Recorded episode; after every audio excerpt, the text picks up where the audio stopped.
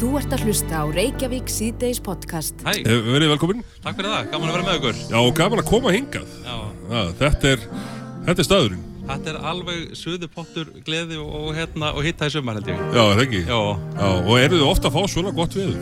herri það er búið að vera alveg steik núna senstu daga Já. Þannig að jú, Júni var nú ekkert góður en, en við, við tökum þótt bara með ennþá betri hlýjundum í júli og ágúst Já, já, já. Uh, það er þetta ævintýri, þetta Eurovision ævintýri, þetta verið stengan enda alltaf taka. Nei, við hefum bara verið að halda þessu við. Þetta var svo rosalega flott svona orku skot inn í okkar samfélag. Já. Þannig að við gripum þennan bolta bara á lofti og, og, og höldum hann á lofti eins lengur við getum sko. Já, hérna, Þetta er náttúrulega svo mikil kynning erlendis fyrir bæinn. Já, og hérna, við hefum alltaf verið að nota það við náttúrulega náðum land með Óskarinn og, og fengum alveg hörku kynningu þar já, já. og svo reynda mánu bara að segja þetta gerði líka það verkum að bara fjöldi fólks innanlands heimsótt okkur í fyrirsumma sem var mjög gaman Já. og það var mikil stemming í kringum þetta Já, já. Ég, ég var á, uh, fyrir hálfum mánuði síðan í, í Stikisólvi. Já. Þar sem að kvikmyndin uh, The Secret Life of Walter Mitty var tekin upp að miklum hluta. Frábær mynd. Frábær mynd. Uh, mér, mér skildist á heimafólki þar að þar væri fullt af uh, ferðamönnum sem væri að koma og einhvern veginn endur upplifa stemningun á þeirri mynd. Já, já. það- er það svipað að og, gerast og, mar og margir sem að hérna, hafa komið og, og var spjallað okkur um þessa myndi menn hafa að segja hana líka sko, spurja hvar hún var tekin við vorum svo heppin hér á Húsavík að sko, bærin fekk að heita Húsavík í myndinni Já. þannig að það skilaði sér náttúrulega og það skipti miklu máli fyrir okkur Já, já. en hérna, það, það er mikill hópur fólk sem er að ferðast á staði sem gerast í, eða sem bíómyndi gerast. Já, þannig að þetta er, þetta er sívaksandi ferðamennska. Já. Gaman að þessu. Og, og e, það, þið, það er náttúrulega þessi bar, jæja, ding dong, uh, barinn eða... Já, við, við settum hann upp í fyrir sumar Já, og hérna byrjuðum bara, við fórum bara tæmdum hér húsasmiðun og húsaði hvað öllu pallahefni og bara byggðum út í bar Já. alveg í kvelli þegar myndið kom út. Og hérna tæmdum rúmfattalæðurinn af öllum garðhúsgögnum. Og hérna það var mikill gleð og útjáttæðstemming, svo eru í vetöpunum verið að græja sem sagt, nú er þetta inni bar og er svona kaffihús Já, líka. já, þetta eru meira, meira, meira umsvíu kringum þetta sko. Já. Og þeir ferðamenn sem hafa komið hingað í suma, þeir vita nákvæmlega hvað þeir eru. Já, já, það er, það er, og það er að koma mikið, bara senast daga mikið frá bandaríkjunum af fólki. Og við sjáum það með það er sko, við erum með lítið álfahús sem að, hérna, er eins og húsið í myndinni Já. og það er verið að skilja alltaf eftir, það er mikið skilja eftir smákökum í álfahúsinu, stundum bjór, bjórbaukur líka og hérna, og svo peningar og við söfnum þeim og við, við náttúrulega erum bara vörslufólk fyrir þessa peningar sem álfatinni fá, við ætlum að gefa þetta til einhvers góðs málumins í haust, Já. en núna er farið að detta svolítið inn á dollaraselum. Já, Við sjáum það að bandaríkjum eru fannir að koma þarna að álfahúsinu sko. Já. Þannig að þetta eventýri heldur, heldur áfram, en það er eh, náttúrulega miklu meira sem að Húsavík stendur fyrir. Já, já, Og þetta- þetta, þetta svæði hér í kring. Já, já, Húsavík náttúrulega hefur verið þekkt í, í langan tíma fyrir sko hvalaskoðin og Já. það er rosalega mikið hvalalíf hérna á svæðinu og ég er nú reynda með dóttur minni hérna með mér sko, hún Mm. Já. er nýkomin, ég er ekki búin að fara í hvalaskoðin sennilega í tvö ár, það er já. vera skrítin tími í, í bænum sko Já. og er bara í allir færið þjónustu en, en hún skellti sér í gær var það ekki hann þetta? Já, gaman? Já. Já. Í Já, kvalaskoðun. Hún er búin að prófa allt mögulegt sko, hún var á golfvellinum í fyrir þetta, krakkarnir í, í skólanum eru núna í svona sumarfríslund og þau eru að prófa eiginlega allar þessar ferðarperlur okkar golfvöllin og, og hérna, gullfiskatjörnina var þið að skoða og svo er hvalaskoðin í gær Já, já. Veistu hvað þessi kvalir heita sem þú sást? Hvað heitir stærsti kvalurinn? Steipireiðir. Steipiriður, að sjálfsögðu.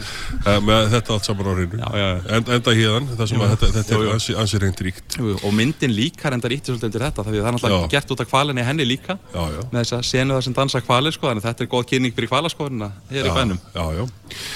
Og það meira, nú er náttúrulega, það er uppbygging, eh, það er komið hingað nýtt eh, baðlón. Já, sjópaðinn og þau hafa alveg slegið í gegn Já. og hérna, þannig að það það er viðbót og svona enn einn stóði með þetta Svo, og náttúrulega í framhald af þessu Eurovision ævintýri þá erum við að setja upp núna og erum að fullu þessu daginn að leggja lokahönd á Eurovision síningu Já. hér í bænum, svona Eurovision safn og Já. erum að fá mikið að dóti bæði innanlands og erlendis frá og svo náttúrulega allt meira meira um bíómyndinni, propsið. Þannig að hérna, bandar ekki með sérstaklega sem hafa mikið gaman á þessari mynd eru spenntir sem hafa verið að koma og vilja geta að koma aftur til að sjá það allt saman Já.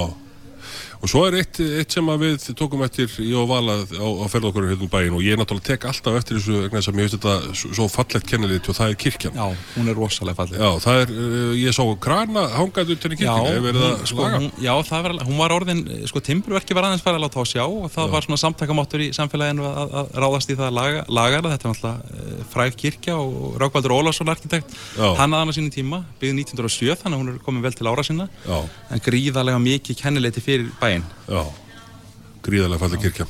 Þegar ég segi bara til hamingi með daginn hennar fallega dag á, á Húsavík, Hefill og, og bara gangið vel með og ykkur Takk fyrir með, það. með það sem að þið ætlaði að gera. Og takk fyrir að vera hér hjá okkur í dag. Takk svo við leiðis. Þú ert að hlusta á Reykjavík C-Days podcast. En við fengum bref í postkassa við hér í Reykjavík síðdeis, það gerir stundum og það var ungur maður að, að segja frá því að hann er búsettur uh, rétt fyrir utan Selfoss, vinnur í Reykjavík sem smiður og um, já, er eiginlega bara farin að taka upp á því að vinna ekki á föstudum vegna þess að umferðin er svo þung í gegnum Selfoss að það tekur hann tæpa tvo klukkutíma að komast í vinnuna. En við heyrðum líka því gæra að það var undirritaður samningur um, um starfsemi í gamla landsbankahúsuna Selfossi og þetta er svona liður í, í þessu störf án staðsetningar sem að samgöngu ráð þeirra hefur verið að bóða. En á línunni hjá okkur er Gísli Há Haldursson, bæjarstjóri Árborgar. Komdu sæl Gísli. Sæl. Já, þetta er nú ekki sérstaklega góð saga að segja af þessum unga manni sem að, að er farin að taka sér launulegst leifi alla föstuða til þess að þurfa ekki að, að setja í umferðateppu í tvo klukkutíma um, og auðvitað hefur mikið verið talað um að þetta er ákveðin flöskuhál sem myndast þarna í gegnum miðbæin, núverandi miðbæ. Um, eru breytingar í, í farvatninu? Já, uh, það er óvægt að segja að íbúar hérna í Árborg og sérstaklega á Selfossi séu orðinir langþreyttir á á þessu ástandi þar sem að 20-30 bílar mælast daglega uh, og hérna auðvitað hafa verið framkvæmdir hérna í, við nýjan miðbæja undarförnu þannig að það hefur verið einni akrein uh, þrengra hjá okkur ringtorkið en mm. það er bursið frá því þá hefur þetta ástand verið að fara sí vestnand undarförnu ár og Við höfum verið að þrýsta mjög á að, að flý, það verið flýtt uh, gerð nýrar brúar yfir Ölfursá þannig að það sé þetta tengja megin umferðina fram hjá Selfossi. Og núna gefur ráð þeirra því undir fótinn, hann segur það ringi að þetta gæti orðið 24 eða jafnvel 23 þannig að við býðum náttúrulega mjög spennt eftir því en Þetta er gríðarlega erfitt fyrir uh, fólk, talað um svona fólk eins og þú, þennan mann sem þú nefnir sem að starfar í Reykjavík og þetta er nú orðið ansið margt fólk hérna í Árbók sem að þannig háttar um, það gæti verið alltaf 20% vinnu absins sem sækir vinnu til höfuborgarinnar mm -hmm. og þarf að aka þessa leið og tala ekki um fyrir út fólk uh, sem er kannski með börn á leikskóla aldrei þá verður þetta náttúrulega gífulegt álag. Og mér finnst þetta hérna skynsarlega löstni á þessum unga manni að, að, að reyna bara að sleppa þarna við einn dag í þessari trafík. En vissulega er það að vinna tjón fyrir hann. Algjörlega. En, það eru þetta hjálegur eins og uh, þrengslinn og, og ég veit að margir eru farin að taka það bara hennilega til að losna við að fara þessa leið yfir gömlu brúna. Já en eh, nú er þarna þetta lítur að vera verra um helgar eins og við vitum það núna að nú er förstu dagur fyrsta helgin í júli og eflaust margir sem er að hlusta sem reynilega setja í þessari umferðateppu en eh, er, er brúin lausnin á þessu? Mun það breyta öllu hvað var þar eh, umferðar uh, já, bara magn eða í raun og veru bara þessi þrengsli sem myndast þarna? Já, þá getur fólk uh, það mun breyta öllu og það eru þetta verið að breyka veginn hérna milli hverjargeris og selfos í uh, já verður 2 pluss 1 mm -hmm. þetta mætti gefna að vera breyðara en það verður mikið bóta því þegar það er fullbúið og síðan kemur brún í framhaldinu. Þannig að þeir sem ekki eiga erindi beintin á, á selfos eiga þetta miklu greiðari leið. Fyrir auðvitað, auðvitað það að við endan á þeirri brú þegar hún kemur yfir Ölfusonna að þá er þar uh, gott, verður þar gott nýtt uh, ringdorg eða jafnvel mislega gartnamót mm -hmm. þannig að þú getur þá sveikt af leið og, og farið inn til að vestla annarkost þarna í Östubænum sem að ég kalla ameriska miðbæin eða, eða komið hérna inn í nýja miðbæin sem ég vil kalla evróska miðbæin og hérna bara noti lífsins en ef þú átt bara að ferða östur úr þá, þá heldur þú bara áfram. Já þetta verkefni störfón staðsetningar sem að hefur verið rætt um og, og, og samgöngu ráþæra hefur uh, ja, verið að kynna. Í gær var undirritað þessi samningur um rekstur vinnustofi í gamla landsbankahúsin á Selfossi. Uh, þetta hlýtur samt að breyta einhverju fyrir ykkur að það, þarna getur fólk komið og unnið og, og sleppt þá við það að, að keira til Reykjavíku til þess að sækja vinnu. Þetta breytir gríðilega miklu Ég eh, fagna þessu frábæra frumkvæði sem að Sigtún Trónafélag hefur um, um að setja af stað þessa starfsemi. Ég hef reyndið að tala fyrir þessu undanfærin ár að, að fyrirtæki reyndu að útbú eitthvað slíkt skrifstofu hótel eða vinnu, vinnu samfélag uh mhm. -huh. og eh, núna eftir COVID þá, þá er þetta enn ljósara hver tækifærin eru í slíkri vinnu aðstöður því að fólk er ekki jafn, eh, lengur jafn bundið af förstum skrifstofum en það sem við vitum að fólk þarf alltaf að það þarf ákveðið samneiti við annað fólk. Og þarna fæða það, bursið frá því hvort það sækir vinnuna í höfustöðarnar eða veist, það, það, það hefur þá val, þarf ekki endilega að sinna vinnunni heima hjá sér ef það er betri aðstæða þann út í landsbankahúsi. Þannig að þetta eigur gríðarlega mögulegan og ég vonast til þess að með þessu þurfi miklu færri að keira, keira inn á höfuborgarsæði til að sækja vinnu. Og eins þeir sem eru að leið hérna um geta sitt sínum störfum hér og, og, og bara starfsmenn sem eru á ferðum Suðurland og eiga hér erindi og, og þess aftar. Já, þetta mun ekki, því miður ekki leysa vanda þess mann sem að, hafði samband við okkur vegna þess að hann er smiður og þarf vissulega að vinna á verkstað.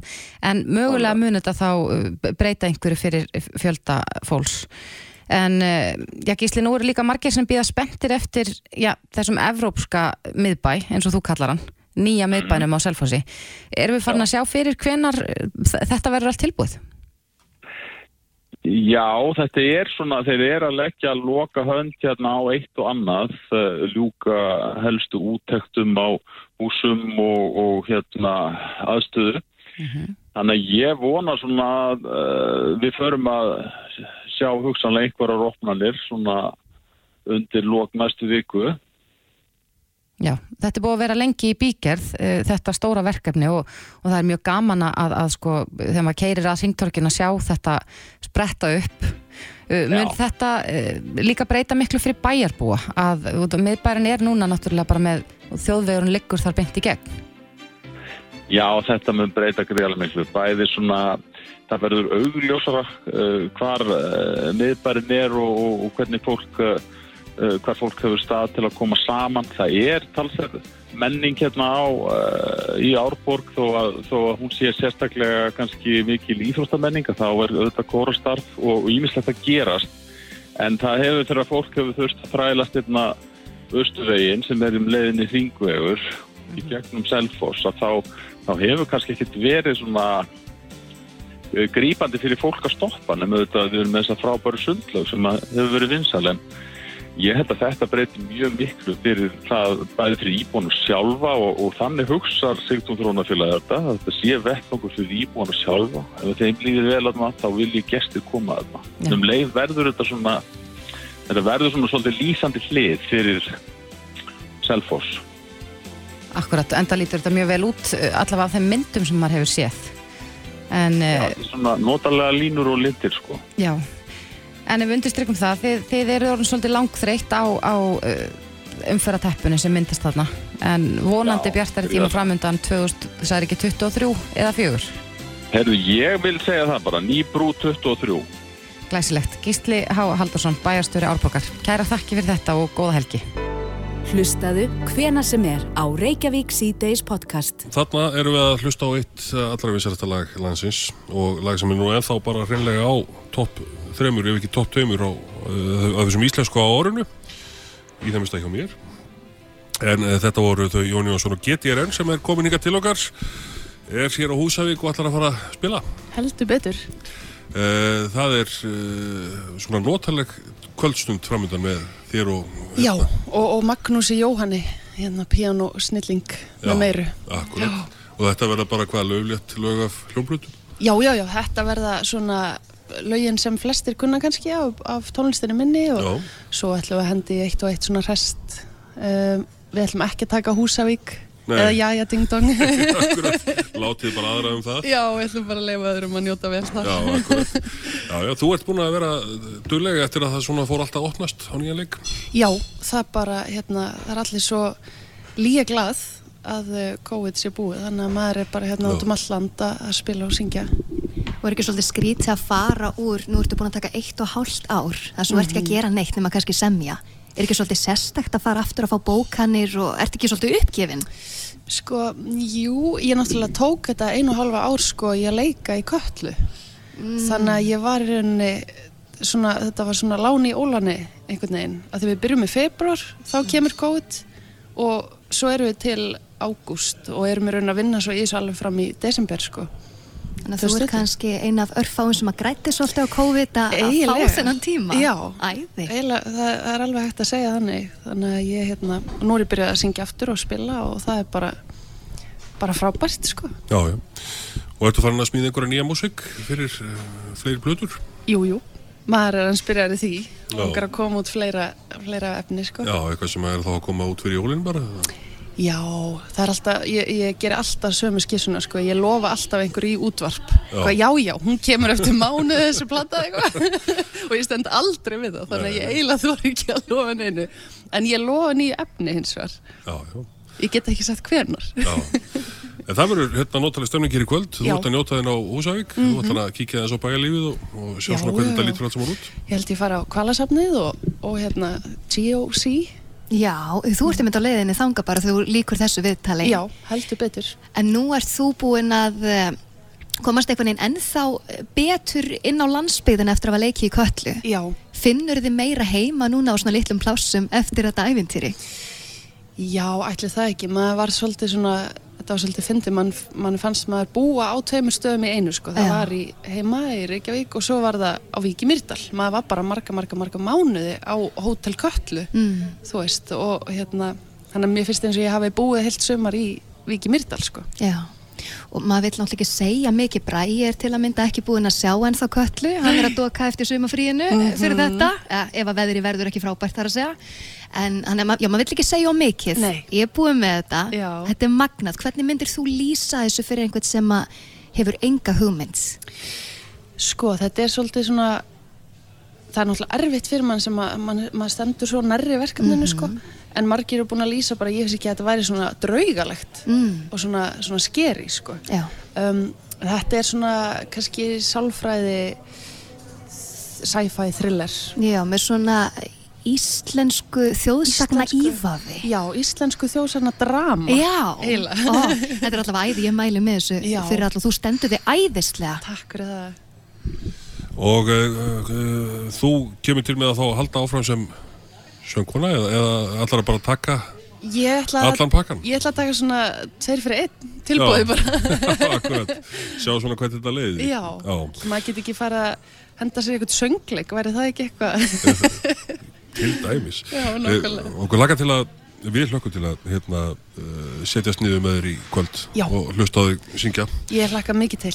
Get ég enn, takk fyrir fyrir og heyrumst tíðar. Reykjavík síðdeis á bylginni. Norðurland síðdegis uh, hér frá Húsavík á þessu fallega svæði og uh, við höfum alltaf annars slægið reikið augun í skilti á leiðin hinga norður mm. Sérstaklega þegar við erum komin hinga á Norðurlandir sem að gefa til uh, kynna að við séum komin inn á Demansríki. Já, en mér skilst að það verið að uppfæra þessi skilti, það er einhver markasetning þannig í gangi og við þurfum að læra inn á nýtt merki. Já, það er gott að það er verið að endur skoða hlutina og ge gera þetta ennþá flottar en Demansringurinn er stórkostlegur 250 km langur ringvegur á Norðurlandi. En það er að finna magnaðar náttúrupörlur og landslag sem að verast oft ekki vera að þessum heimi og það er eitt, mm. eitt af þessu er til dæmis bara Ásbyrgi sem, að, sem er alveg einstakur Bara stað töfrandi staður. heldur betur. Hún er eh, komin á lína hjá okkur hún uh, Arnbjörg Jóhannsdóttir sem er frangatastjóri uh, markastofu Norrlands Kondur sæl Sælir. Arnheiður er það vist samt. Arnheiður fyrirgeðu Það er allt í góðu. En allan, Arnheiður þú, uh, fer fyrir þessu uh, frábæra og stóra verkefni sem að uh, er tematsningurinn. Hvernig hefur gengið á þessum áru sem að hann hefur verið í sölu? Heyri, það hefur náttúrulega gengið mjög vel. Þetta er, við erum svolítið eh, hjá markastofunum búin að vera í samstarfi við heimamenn að pakka saman vöru sem búin að vera til. Ég er sko allavega síðan 1996 eru svona fyrstu, fyrstu heimildir á netunum um dematringin eða Diamond Circle. Og það sem við vorum að gera var að pakka henni saman í skiljalegri búning fyrir alla sem vilja ferðast og skoða til þess að menn áttu sig á því hvað þetta væri og um hvað þetta snýðast og hvað ætti að skoða. Og þannig að við opnum dematringin ekki formulega fyrir inn í september eh, 2020, náðum hann inn í smá svona COVID-break og, og opnum formulega á sama tíma og varum verið að ljúka við ringin, þar að segja Dettifoss veginn að vestan frá Ásbyrginir í Dettifors. Það er vantað alltaf 8 km upp á og mjög langt frá vegu sem hann verið að klára þannig að þá loksist gátt við fara að marka setja demasvingi sem svona heilsás ferðarþjónust. Akkurat, og hún veistu hvaðan kemur nafngiftin? Nafngiftin kemur frá uh, heimafólki á Húsavík. Ég fóri nú eiginlega svona valla að segja hver kom með nafni uppalega því að það eru svona kannski, uh, já, einn eða tveir allavega sem að eh, svona eiga heiðurinn á því. Þannig að ég, svona, ég ætla bara ekki að segja neitt nafn upp átt, held ég. Nei, við þannig það. að bara vera að vitna í uh, falin demant. Falin demant, já. Og, hérna, og í rauninni er þetta slóð af mörgum demantum. Þannig að þetta nafn á mjög vel við og þannig kemur það uppalega. Þetta, þetta eru svo margir demantur sem skoðar hann eins og það nefni Ásbyrgi og svo eru, við erum sem með fimm líkil áfokastadi. Það eru e, Húsavík, Ásbyrgi, Dettifoss, Nývatn og Goðafoss sem eru þessi fimm líkil áfokastadi sem við sem hvetjum það alla til að skoða og svo er þar á milli og í kring alveg ógrinni af stöðum til að skoða og njóta. Já. Eh, Þú talaðir áðan um þennan 8 km kapla sem þau voruð að býða eftir að myndi ljúka við Dettifoss. Já, Eh, Nú er hann eh, kominn já. og greiniði strax mikla breytingu. Já, við gerum það. Uh, við erum að fá, uh, sko, auðvitað hefur erlendi ferðamennin að vanda, þannig við erum ekki komið tölur um það uh, ennþá. Uh, nema það bara áhugan erlendis frá, frá fjölmjöla fólki sem eru gríðarlega mikil. Svo Íslandíkonum er miklu, miklu meiri áhugi heldur en maður hefði getað ímynda sér. Og við erum að sjá mikinn áhuga á því að fara þennan ring og menn eru jafnvel að taka þetta sem dagsferð sem við mælum nú ekki með, við viljum helst að notir aðeins meiri tíma í þetta til þess að njóta. En þetta er spennandi svæði sem opnast þarna með þessum nýja vegi og það er líka hérna, hægt að fara hérna niður hljóðakletta á Vesturdal og svona þetta tengir svæði svolítið vel saman. Þannig að þarna eru menn að komast á slóðir sem að margir hafa aldrei síðan áður. Já, og er einhverju staði sem hægt er að stoppa og fá sér að borða hann á leiðinni? Já, já og það eru náttúrulega margir staðar á Húsavík það sem getur verið að borða. Það er verið að byggja upp veitingastað við þennan Dettifosveg sem hefur verið að klára.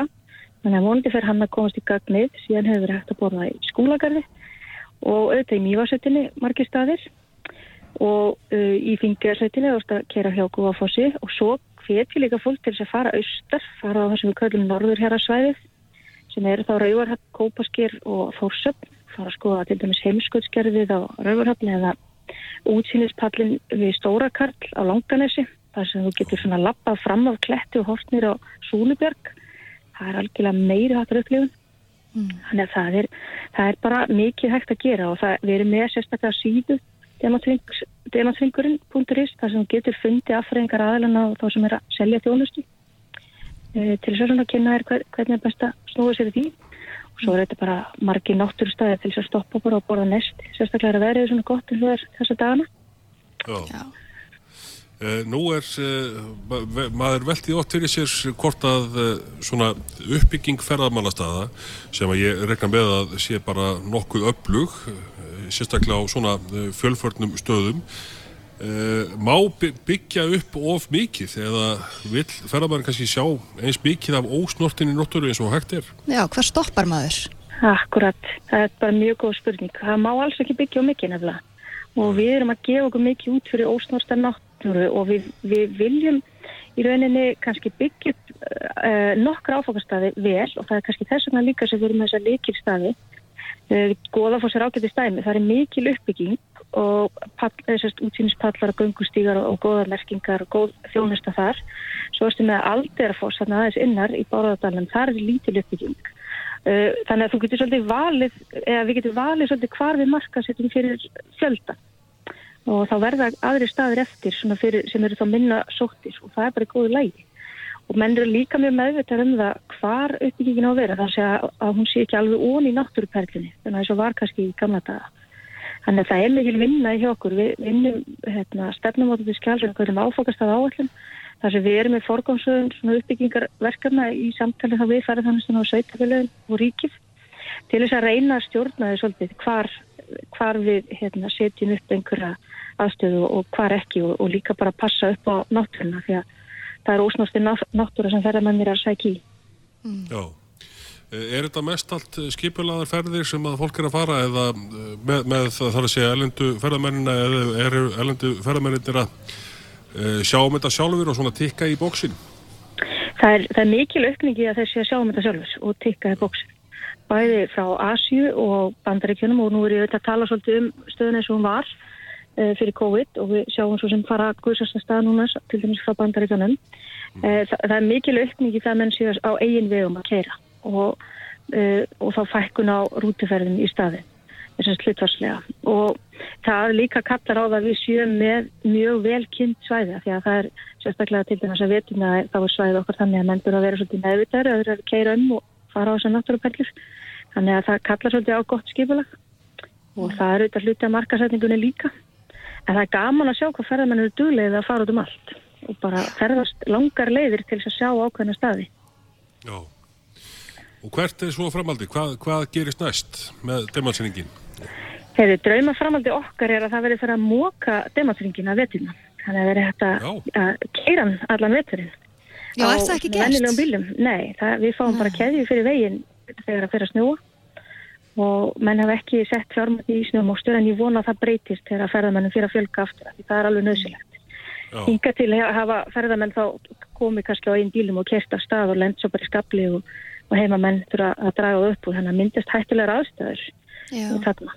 og við reynum, þá, við reynum auðvitað að kynna það, varamenn við að passa upp á þetta en, en við erum alveg heilmikið eftir þarna í þessu og svo er líka, ef maður horfur á ringin þá eru fjölmargir áfokastæðir sem eru þá á ringin sjálfum það sem á eftir að fara fram uppbygging og, og alls konar fræðsla og, og svona þjónustu uppbygging þannig að við erum bara að sjá mikla þróun þarna næstu árum vonandi í tengslu við þetta uh, um allt svæðið. Já. Eh, Ég segi bara gangi ykkur vel í því. Arnöður Jóhansdóttir, frangvæðastjóri Markastofu Norrlands. Takk fyrir spjallið og eh, bestu kveður. Og góða helgi. Takk fyrir það og takk fyrir síð. Þetta er Reykjavík síðdeis podcast. Norðurland síðdeis í beinni útsendingu frá Foss Hotel eh, Húsavík, eh, Bræi og Vala hér á staðnum og uh, þú ert með nokkra svona lögnettar staðrendir. Já, ég fór á smá veiðar í gerkvöldi þegar ég hefði átt að vera hérna niður á tónleikum. Já, já. Þá fór ég á netið og uh, læriði ímislegt. Já. Maður gerir það nefnilega, moskítoflugur til að mynda sem er skilstamunni flytjast búferlum til Íslands á næstu árum ef eitthvað er að marka skordýra sérfræðinga Það eru í Færium og það eru á Grænlandi. Já, það er að hlýna hérna, þær munu koma með tíu tíma Já, já. en þær eru nefnilega með sitt eigið kryptonite eða svona veikleika fyrir þá sem að þekk ekki Superman Já. og viltu vita hver þessi veikleiki er? Uh, já. Já, það er tónlistamaður, ákveðin tónlistamaður Já. Skrillex Pétur, getur þú sókt smá hljóðdæmi Skrillex svo fólk átti sig á því hvað það er sem er að veikja Þú verður nú átt að því vala að Við þú ert á um bylgjunni að- sko. Þessi tónlistastöfna sem að Skrillex að, að hitlistu dubstep. Já, þetta er rosa mikið Moskítoflugur, þær þól ekki dubstep. Nei, verðist hafa einhver letjandi áhrif á þær uh, sko þær sjúa mælanlega minna blóð ég veit ekki hvort ég myndi fjárfesta í þessari rannsókn Já. en uh, það er spurning hvort að þetta geti haft uh, haft einhver áhrif til framtíðar getur við dreppið þær með þessu, Kann, Já. ég veit ekki Ég veit, ég veit ekki hvernig það er sko með þá sem að síðan kunni ekki að meta Skrillex. Nei, Ég er kannski frekka til í að láta bara moskítoflugur sjúa þessu blóð. Þetta er svolítið mikið. Á, á en þú varst með eitthvað meira? ég er með eitthvað meira, já Herðu, uh, fljótlegasta leiðin til að eignast nýju nýja vini langar þig að bæta við þig nýju Já, já, já það Já. getur alltaf á þessu vinubætt. Ertu enn í badnegn?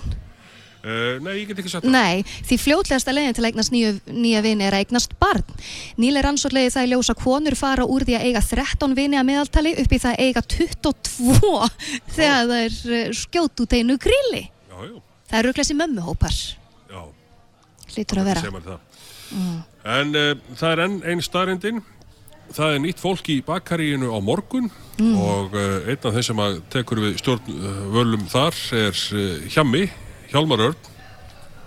Ertu þetta? Hárrétt. Já, já, já, ég Ég kallaði því Hjalli um daginn og hérna, he- heyrði síðan að það væri ekki rétt hjá mér og hérna, ertu nokkuð eitthvað svegt um mig?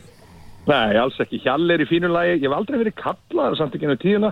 Hjammi er ég, var ég oftast kallaður. Já, Bara hjálmar, það er allt í bóði, sko. já, já.